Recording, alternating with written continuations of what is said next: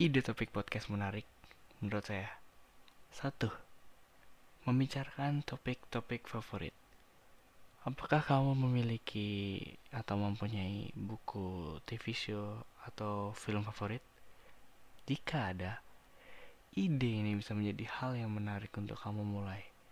Tentunya, kamu juga sudah memperhatikan detail yang mungkin tidak diperhatikan oleh para penggemar lain. Atau kamu juga bisa menyampaikan perspektif yang berbeda tentang apa yang terjadi dalam cerita tersebut. 2. Subjek spotlight.